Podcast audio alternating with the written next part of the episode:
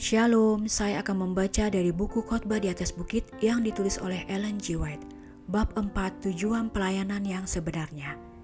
Pembahasan dalam Matius 6 ayat 19. Janganlah kamu mengumpulkan harta di bumi. Harta yang dikumpulkan di bumi tidak akan tahan. Para pencuri menerobos dan mencuri, nyengat dan karat merusakkannya. Api dan angin ribut melenyapkan milikmu. Dan di mana hartamu berada, di situ juga hatimu berada.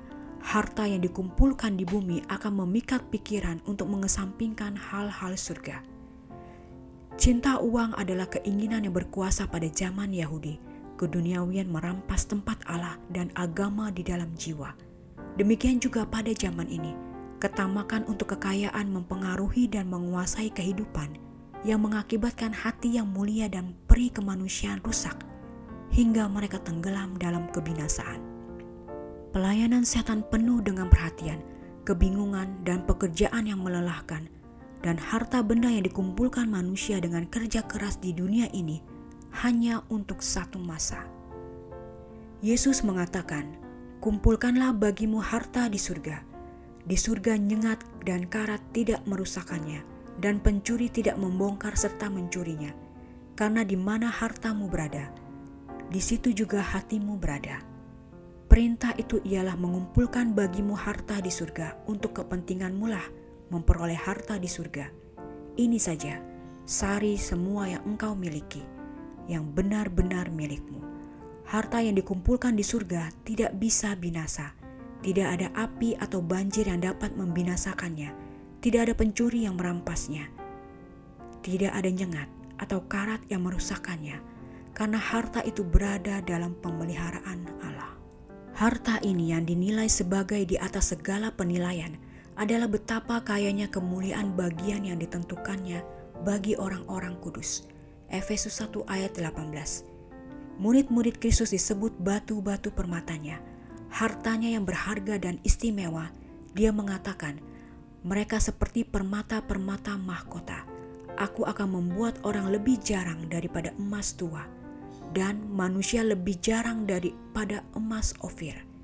Zakaria 9 ayat 16 dan Yesaya 13 ayat 12. Kristus menganggap umatnya di dalam kesucian dan penyempurnaan mereka sebagai upah dari segala penderitaannya, penghinaan terhadapnya, kasihnya, dan tambahan kemuliaannya Kristus. Pusat besar dari siapa segala kemuliaan terpancar dan kita diizinkan bersatu dengan Dia dalam pekerjaan penebusan besar dan menjadi pembagi bersama Dia dalam kekayaan yang telah dimenangkan kematian dan penderitaannya.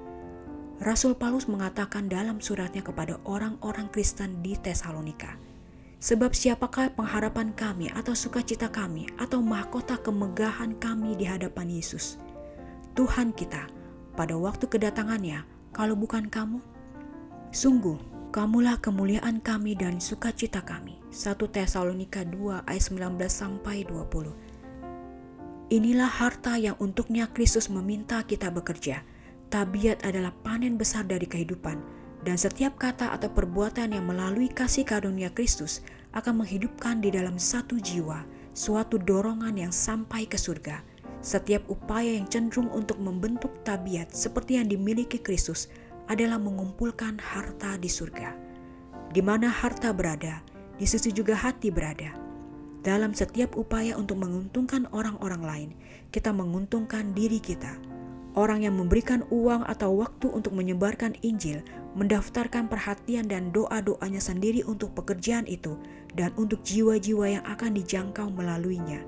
Kasih sayangnya disalurkan kepada orang-orang lain dan dia didorong untuk ketaatan yang lebih besar kepada Allah agar dia mampu melakukannya dengan sebaik-baiknya. Dan pada hari terakhir, ketika kekayaan dunia akan binasa, orang yang telah mengumpulkan harta di surga akan melihat yang telah diperoleh kehidupannya. Jika kita memberikan perhatian kepada kata-kata Kristus, apabila kita berkumpul di sekitar tahta putih yang besar itu, lalu kita akan melihat jiwa-jiwa yang telah diselamatkan melalui perantaraan kita dan akan mengenal orang yang telah menyelamatkan orang-orang lain. Rombongan besar dibawa masuk ke tempat teduh sebagai hasil pekerjaan kita. Di situlah mereka meletakkan mahkota mereka di kaki Yesus dan memujinya sepanjang zaman yang tak berkesudahan. Betapa besarnya sukacita pekerja Kristus melihat orang-orang yang ditebus ini, yang turut menerima kemuliaan penebus itu. Betapa berharganya surga kepada mereka yang telah setia dalam pekerjaan penyelamatan jiwa. Karena itu, kalau kau dibangkitkan bersama dengan Kristus, carilah perkara yang di atas, di mana Kristus ada, duduk di sebelah kanan Allah. Kolose 3 ayat 1 Demikianlah bacaan buku khotbah di atas bukit, tujuan pelayanan yang sebenarnya dalam Matius 6 ayat 19. Janganlah kamu mengumpulkan harta di bumi. Tuhan memberkati.